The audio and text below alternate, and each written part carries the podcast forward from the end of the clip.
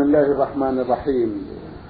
الحمد لله رب العالمين والصلاة والسلام على نبينا وسيدنا محمد وعلى آله وصحبه وسلم. مستمعي الكرام السلام عليكم ورحمة الله وبركاته وأسعد الله أوقاتكم بكل خير. هذه حلقة جديدة مع رسائلكم في برنامج نور على الدرب. رسائلكم في هذه الحلقة نعرضها على سماحة الشيخ عبد العزيز بن عبد الله بن باز الرئيس العام لإدارات البحوث العلمية والإفتاء والدعوة والإرشاد. مع مطلع هذه الحلقة نرحب بسماحة الشيخ ونشكر له تفضله بإجابة السادة المستمعين فأهلا وسهلا بالشيخ عبد العزيز. حياكم الله. أولى رسائل هذه الحلقة رسالة وصلت إلى البرنامج من المستمع عبد الله أحمد نايل سوداني. أخونا يسأل ويقول في رد لسماحتكم مجيبين عن السؤال الآتي هل يجوز تلاوة القرآن على المتوفى أو إهداء ثوابه له؟ علمت من ردكم أن هناك خلافا بين العلماء في هذا الأمر وكما قلتم إنه ليس هناك دليل من الشارع على هذه المسألة. أرجو من فضيلة مولانا المزيد من الإيضاح في تعليقه على هذه الملاحظات. إذا جاز لنا أن نحج عن المتوفى وأن نتصدق له ألا يعني هذا أن من يحج عن المتوفى أن يؤدي مناسك الحج جميعها المفروض منها والمسنون؟ فإذا قام مثلا لصلاة ركعتين عند المقام والسنة ألا يهدي ثواب هذه الصلاة للمتوفى وبالتالي ألا يكون ما قرأه من القرآن في صلاته كان مهداه للمتوفى كسائر أعمال الحج؟ فضيلة مولانا الدعاء على المتوفى جائز. أليس الدعاء مخ العبادة؟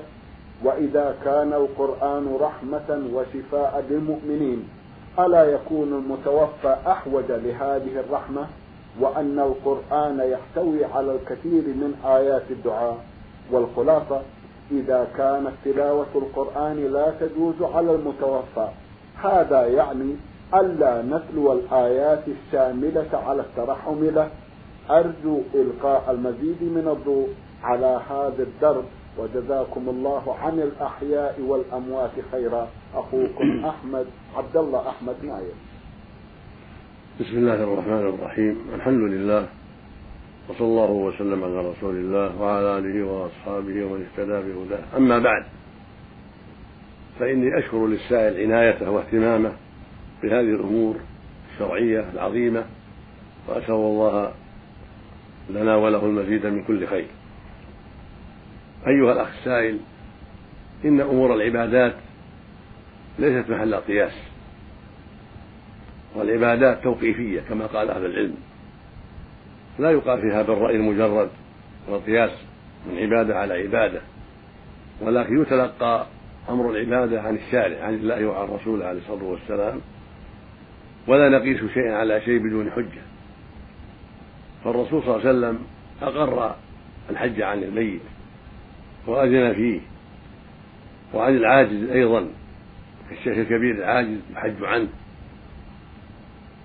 والصلاة التي يصليها الطائف تبعا للطواف. تكون يكون ثوابها وثواب الطواف للميت. من غير حاجة إلى أن يهدي الصلاة أو يهدي القراءة. لأنه صلى تبعا للطواف. وهذه الصلاة جازت تبعا لا استقلالا. ولا يشرع لأحد يصلي عن ميت أو يصوم عنه تنفلا لأن هذا لم يرد في الشرع. والعبادات مثل ما تقدم توقيفية. يقول النبي صلى الله عليه وسلم من عمل عملا ليس عليه أمر فهو رد.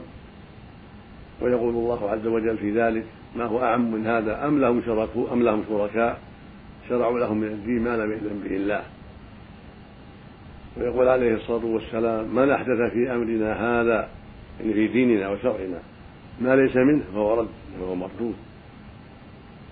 فالواجب على أهل الإسلام الاتباع لما جاء لما جاء به نبيهم عليه الصلاة والسلام وليس لهم أن يبتدعوا. فالحج بأعماله الواجبه والمشروعه جاءت عن الشارع فإذا حج عن الميت أو عن العاجز صار الأجر للمحجوج عنه عن النفل والفرض جميعا حسب ما جاء عن الشارع. ولا نقيس على ذلك فنقول كما جازت الصلاة تبع الطواف للميت المحجوج عنه نقول لنا أن نصلي عن الموتى ونصوم عنهم. لا هذا قياس. الحج عبادة مستقلة.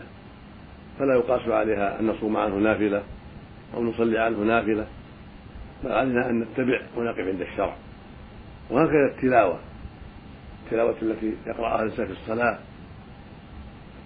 عن الميت والتلاوة في ركعتي الطواف والتلاوة في الطواف كلها يتبع فلا يقاس عليها التلاوة مستقلة من يقرأ على الميت يجعل الثواب للميت أو يقرأ على القبر أو يقرأ خارج خارج ذلك في أي مكان وينوي الميت. هذا يحتاج إلى دليل. وإن كان جملة من أهل العلم ذهبوا إلى جواز ذلك وأنه لا بأس به وقاسوه على الحج والدعاء والصدقة لكن مثل ما تقدم القاعدة الشرعية عدم القياس. وأن علينا أن نتبع ولا نخترع ولا نبتدع في الدين ما لا يأذن به الله وإذا فتح هذا الباب دخل الناس في البدع. ولم يقفوا عند حد.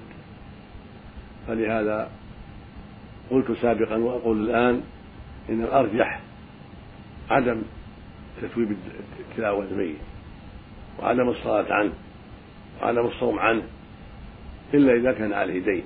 يعني صوم واجب من رمضان أو من كفارة أو من نذر فلا مانع من الصوم عنه. يقول النبي صلى الله عليه وسلم من مات وعليه صيام صام عنه وليه. وسئل غير مرة أما مات وعليه صيام فأفتى المستفتي بأن يصوم عن ميته. هكذا نقول مثل ما قال النبي صلى الله عليه وسلم من مات وعليه صيام يصام عنه. هذا مشروع بأمر النبي عليه الصلاة والسلام حتى رمضان على الصحيح. إذا مات وعليه صيام ولم يقضه من دون عذر شرع لأوليائه يصوم عنه. كما يصوم عنه الكفارات والنذور. وبعض أهل العلم خص ذلك بالنذر والصواب أنه لا يخص النذر بل يعم لما في لما في الصحيحين من حديث عائشة رضي الله عنها عن النبي صلى الله عليه وسلم قال من مات وعليه صيام صام عنه ولي هكذا قال عليه الصلاة والسلام. من مات العموم وعليه صيام صام عنه ولي. فيعم من مات وعليه صوم رمضان أو صوم كفارة أو صوم نذر. ومن زعم تخصيص ذلك بالنذر فلا دليل عليه وليس معه حجة يحسن الاعتماد عليها. ولم يقل صلى الله عليه وسلم من مات وعليه الصلاة صلى عنه وليه. ولم يقل من مات فليقرأ عنه وليه. لكن الدعاء نعم شرع لنا أن ندعو الأموات ونصلي وندعو لهم والله يقول سبحانه وتعالى في كتابه العظيم مثنى على عباده الصالحين بقوله والذين جاءوا من بعدهم يقولون ربنا اغفر لنا ولإخواننا الذين سبقونا بالإيمان. فالدعاء هو المطلوب للميت والحي جميعا. ولهذا شرع الله صلاة الجنازة لما فيها من الدعاء للميت. فأرجو يا أخي ألا يشتبه عليك الأمر وأن تطمئن إلى أن السنة أن تلزم ما جاءت به الشريعة وأن لا تحيد عنه. وألا تزيد عليه في العبادات لأنها توقيفية والله ولي التوفيق.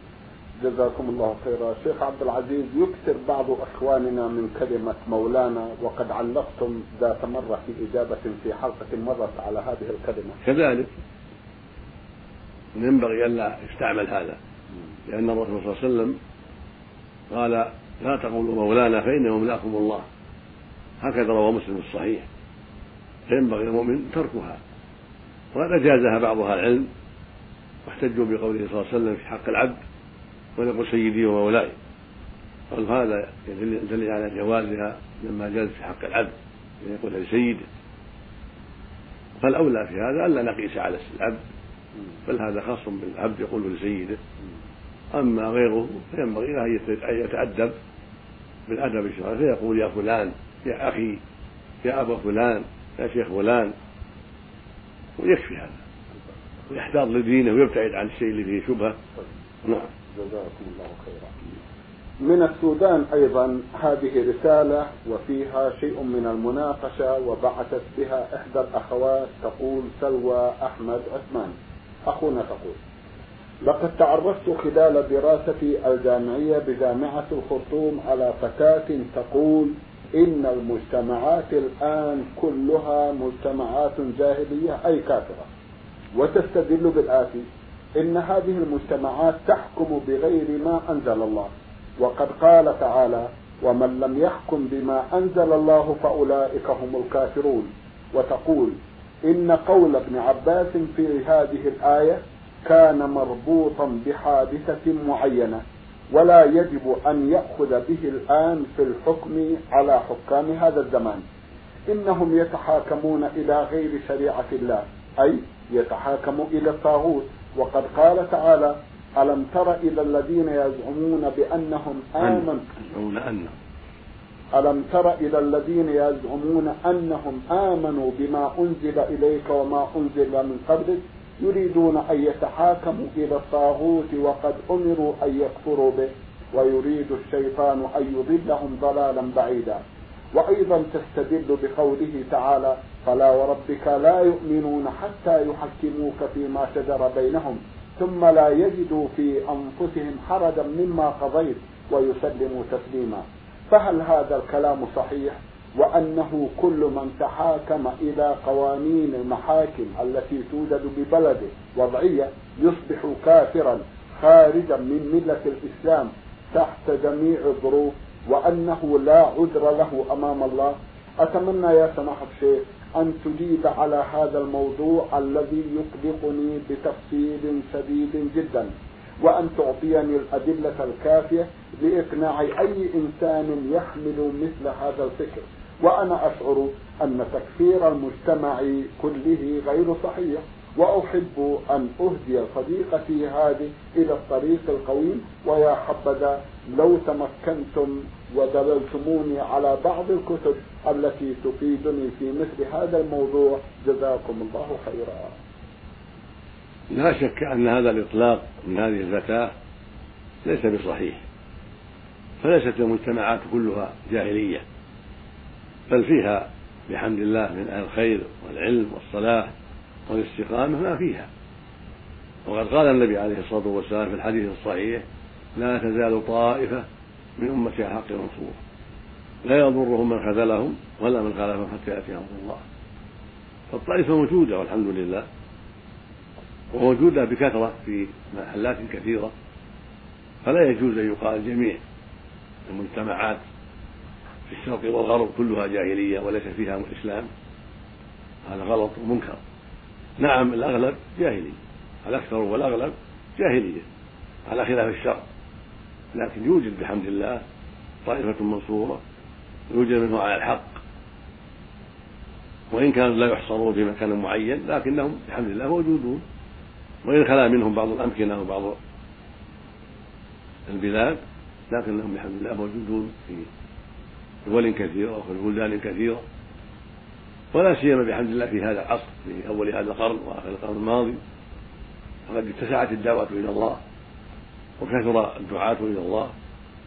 ونشط الشباب الإسلامي في كل مكان إلا ما شاء الله في الدعوة إلى الله والترغيب في الخير والدلالة على الخير والعناية بالقرآن والسنة. هذا الإطلاق هذا الذي قالته الفتاة غير صحيح. وعليها التوبة إلى الله من ذلك والرجوع إليه وأن تخاف الله وتراقب سبحانه وتعالى. أما وجود تحكيم غير الشريعة فهذا إثمه على من فعل ذلك ورضي به. أما من كره ولم يرضى به فليس عليه إثم منه. الله يقول ولا تزر وازرة وزر أخرى. من حكم غير الشريعة من الدول وأعوانهم ورضوا بذلك فهم الآثمون. أما من لم يرضى بهذا من الرعية من الرجال والنساء في أي بلد فليس مأخوذا بعمل غيره ولا آثما بعمل غيره. يقول النبي صلى الله عليه وسلم لا يجني جاني لا نفسه وهذا معنى قوله سبحانه ولا تزر وازرة وزر أخرى. الواجب التثبت في الأمور وعدم إطلاق الأحكام جزافا على غير بصيرة. ولا ريب أن الحكم بغير ما أنزل الله منكر عظيم ومن أنواع الكفر كما بينه الله سبحانه وتعالى. وهو من حكم الجاهلية كما قال سبحانه أفحكم الجاهلية يبغون؟ وليس لأحد يحكم بغير ما أنزل الله بل هذا منكر عظيم جريمة شنيعة. أما كونه كفرا مخرجا من الملة هذا هو محل التفصيل عند أهل العلم. فمن فعل الحكم بغير ما أنزل الله يستجيز ويرى أنه لا بأس به أو يرى أنه مثل حكم الله أو يرى ما هو أشنع من ذلك أن الشريعة ما تناسب اليوم وأن القوانين أنسب منها وأصلح. هذا كله كفر أكبر على جميع الأحوال الثلاث. من زعم أن حكم غير الله أحسن من حكمه أو مثل حكمه في أي وقت كان أو أنه يجوز الحكم بغير ما أنزل الله ولو قال إن الشريعة أفضل وأحسن ففي هذه الأحوال الثلاث يكون قائل ذلك كافرا. وهكذا معتقد ذلك. من اعتقد أن حكم غير الله جائز أو مماثل لحكم الله أو أفضل من حكم الله فهو مرتد عند جميع أهل الإسلام. أما من فعل ذلك لغرض من الأغراض ويعلم أنه مخطي وأنه مجرم ولكن فعل ذلك لغرض لرشوة أو مجاملة قوم أو لأسباب أخرى والله يعلم من قلبه أنه ينكر هذا وأنه يرى أنه باطل. وأنه معصية. هذا لا يكفر بذلك. يكون عاصيا ويكون كافرا كفرا دون كفر وظالما دون ظلما دون ظلم وفاسقا فسقا دون فسق كما قال ابن عباس رحمه الله ومجاهد بن جبر وجماعة آخرون.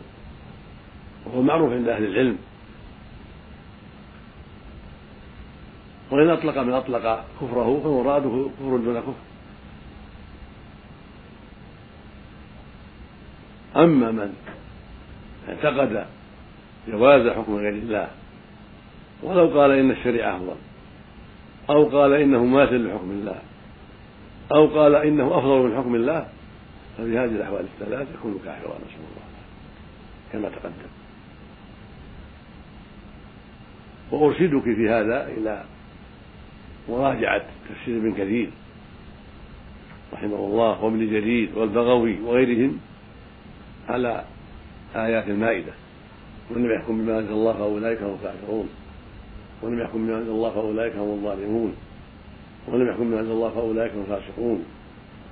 وإلى مراجعة كلام ابن القيم رحمه الله في إعلان الموقعين وفي الطرق الحكمية ومراجعة شيخ الإسلام ابن تيمية كلام شيخ الإسلام ابن تيمية في كتبه في فتاواه وغيرها وهكذا مراجعة كلام أهل العلم. في مذهب الشافعي والمالكي والحنفي وغيرهم من أهل العلم حتى تعلم تعلم الحكم الشرعي. ومن أحسن أنسب ما يكون في هذا باب حكم المرتد فإنهم بينوا فيه كل شيء في جميع المذاهب الأربعة. وفي غيرها من كلام أهل العلم. وأوضحوا التفصيل في الحكم بغير ما أنزل الله. ولعلك بهذا والفتاة التي نقلت عنها لعل يحصل لها بذلك الطمأنينة والرجوع إلى الحق وترك التعميم الذي يخالف الشرع المطهر نسأل الله لجميع الهداية والتوفيق. اللهم جزاكم الله خيرا. من العراق الموصل جامعة الموصل رسالة بعث بها أخونا عبد الحميد محمد أبو الهوى. يقول إنني قد خرج مني لفظ بالطلاق لزوجتي ثلاث. وكان هذا بسبب خلافات عائلية بالمنزل. وبعد هذه الألفاظ بالطلاق أخذتها إلى منزل أهلها. وبعد مدة ألح أهلي علي برجوع الزوجة إلي. وفي نفس الوقت كنت غاضبا. فكررت ألفاظ الطلاق. إنها طالق طالق طالق. فعندما وجدت نفسي منهارا فكرت بالسفر لكي أبتعد عن المشاكل التي واجهتني. وبعد سفري بشهرين جاءني خطاب من أهلي بأن زوجتك أعدناها في المنزل حيث أنها حامل في شهرها الرابع ومعها طفلان آخران وهم أولادي. هل من الممكن الرجوع إليها بأطفالها الثلاثة؟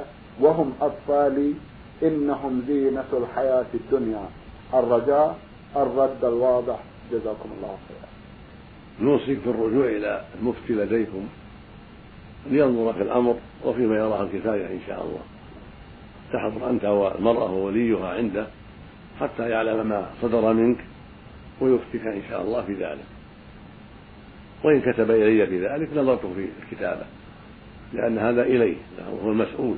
نعم. جزاكم الله خيرا. إذا لا ترون أن يقال له شيء في هذا الموضوع. لا لا نرى أن يراجع المفتي عندهم. أيوة. ويفي وفيه بركة إن شاء الله. إن شاء الله. وإن رأى المفتي يكتب إلي أو إلى غيره من أهل العلم هذا إليه. إذا أشكل عليه. نعم. بارك الله فيكم. أيضا عن موضوع الطلاق رسالة بعث بها أخونا عبد الله محمد هلال مصري ومقيم في جدة. أخونا يقول في لحظة غضب وانفعال ومشادة مع زوجتي قلت لها علي الطلاق ما أنت ذاهبة إلى المدرسة باكر. وكررت ذلك ثلاث مرات من شدة غضبي وكان هدفي من ذلك هو منعها من الذهاب إلى المدرسة حيث تعمل مدرسة. ولا أقصد الطلاق أبدا لأنني أبغضه ولا أعرف أحكامه. في صباح اليوم التالي ألحت علي زوجتي بأن من الضروري ذهابها إلى المدرسة لأن ذلك هو أول يوم في العام الدراسي فقمت بتوصيلها إلى المدرسة. منذ ذلك الوقت وأنا أعيش في قلق نفسي وخوف من الله سبحانه وتعالى.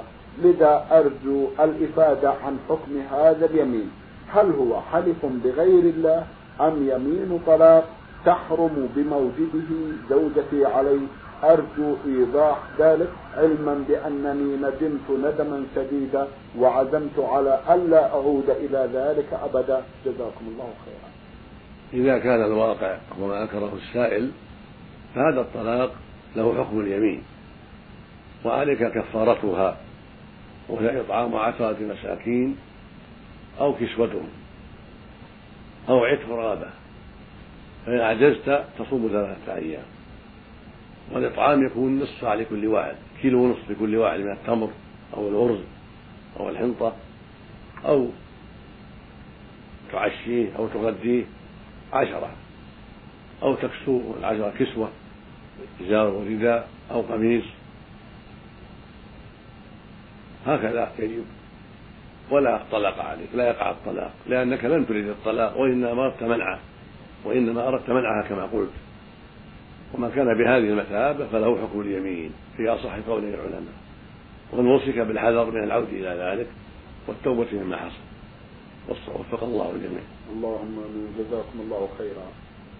رسالة المستمعة لول وجيم لام من القصيم بريدة عرضنا بعض أسئلتها في حلقة مضت وفي هذه الحلقة تسأل وتقول هل هذا معنى حديث من ستر على مسلم ستر الله عليه؟ أي إذا فعل إنسان شيئا منكرا أو فاحشة وسترت عليه ستر الله علي أرجو أن توضحوا لي هذا جزاكم الله خيرا. نعم. هذا حديث صحيح. رواه مسلم عن أبي هريرة رضي الله عنه عن النبي عليه الصلاة والسلام أنه قال من نفس عن مؤمن كربة من كرب الدنيا نفس الله عنه كربة من كرب يوم القيامة. ومن يسر على معسر يسر الله عليه في الدنيا والآخرة. ومن ستر مسلما ستره الله في الدنيا والآخرة. وفي الصحيحين حديث ابن عمر رضي الله عنهما عن النبي صلى الله عليه وسلم أنه قال المسلم أخو المسلم لا يظلمه ولا يسلمه. ومن كان في حاجة أخيه كان الله في حاجته. ومن فرج عن مسلم كربة فرج الله عنه بها كربة من كرب يوم القيامة. ومن ستر مسلما ستره الله يوم القيامة. هذا هو المشروع. إذا رأى الإنسان من أخيه في الله أو أخته في الله عورة يعني معصية فلا يفضحه ولا يشرها بين الناس بل يستر عليه وينصحه. ويوجهه إلى الخير ويدعو إلى التوبة إلى الله من ذلك ولا يفضحه بين الناس. ومن فعل هذا وستر على أخيه ستره الله في الدنيا والآخرة. لأن الجزاء من جنس العمل. أما الذين يظهرون المعاصي ولا يستحون ويظهرونها بين الناس فهؤلاء فضحوا أنفسهم. فليسوا محلا للستر كالذي يشرب الخمر بين الناس. في الأسواق وفي المحلات والاجتماعات هذا قد فضح نفسه نسأل الله العافية. وهكذا من يعمل المعاصي الأخرى جهرة ولا يبالي هذا يرفع بأمره إلى ولاة الأمور إذا كانوا يرجعون مثله ويقيمون عليه الحد يرفع بأمره. وليس محل الستر من أظهر فاحشته وأعلنها نسأل الله العافية. نعم. رسالة وصلت إلى البرنامج من أحد الإخوة المستمعين يسأل عن عدة قضايا. من بينها سؤال يقول يوجد أهل قرية لا يتكلمون إلا بالحرام وهذه الكلمة سائرة بينهم مثل قولهم علي الحرام أن تأخذ كذا أو تعطيني كذا. هل يطلق على هذه الكلمة كلمة الطلاق؟ نرجو أن تفيدونا. جزاكم الله خيرا. هذا الكلام لا يجوز. والواجب نصيحتهم وتحذيرهم من مثل هذا الكلام لأن تحريم ما أحل الله أمر لا يجوز. يقول الله سبحانه وتعالى في المظاهرة من النساء يعني تحريم النساء يقول سبحانه وإنهم لا يقولون منكرا من القول وزورا ويقول الله لنبيه يا أيها النبي لما تحرم ما أحل الله لك؟ تبتغي مرات أزواجك والله غفور رحيم. فالواجب على المسلم أن يطهر لسانه من مثل هذا الكلام وهو التحريم. هذا عليه حرام طعامك عليه حرام كلامك عليه حرام عليه الحرام ما أفعل كذا عليه الحرام ما أزورك عليه الحرام ما آكل طعامك كل هذا لا يجوز. والواجب التوبة إلى الله من ذلك. والاستغفار والندم. أما الحكم ففيه التفصيل كان أراد بهذا منع نفسه من شيء كان يقول عليه الحرام ما أكل طعامك ما أكل ذبيحتك عليه الحرام ما أجلس لقهوتك. عليه الحرام ما أكلمك. قصد منع نفسه من هذا الشيء. هذا عليه كفارة يمين. كما في قوله سبحانه يا أيها النبي لما تحرم ما الله تبتغي مرات أزواجك والله غفور رحيم. قد فرض الله لكم تحلة أيمانكم. جاءت في التفسير أن هذا كان في تحريمه عليه الصلاة والسلام العسل. وفي في رواية أخرى تحريمه ماية مملوكة فهذا في كفارة اليمين.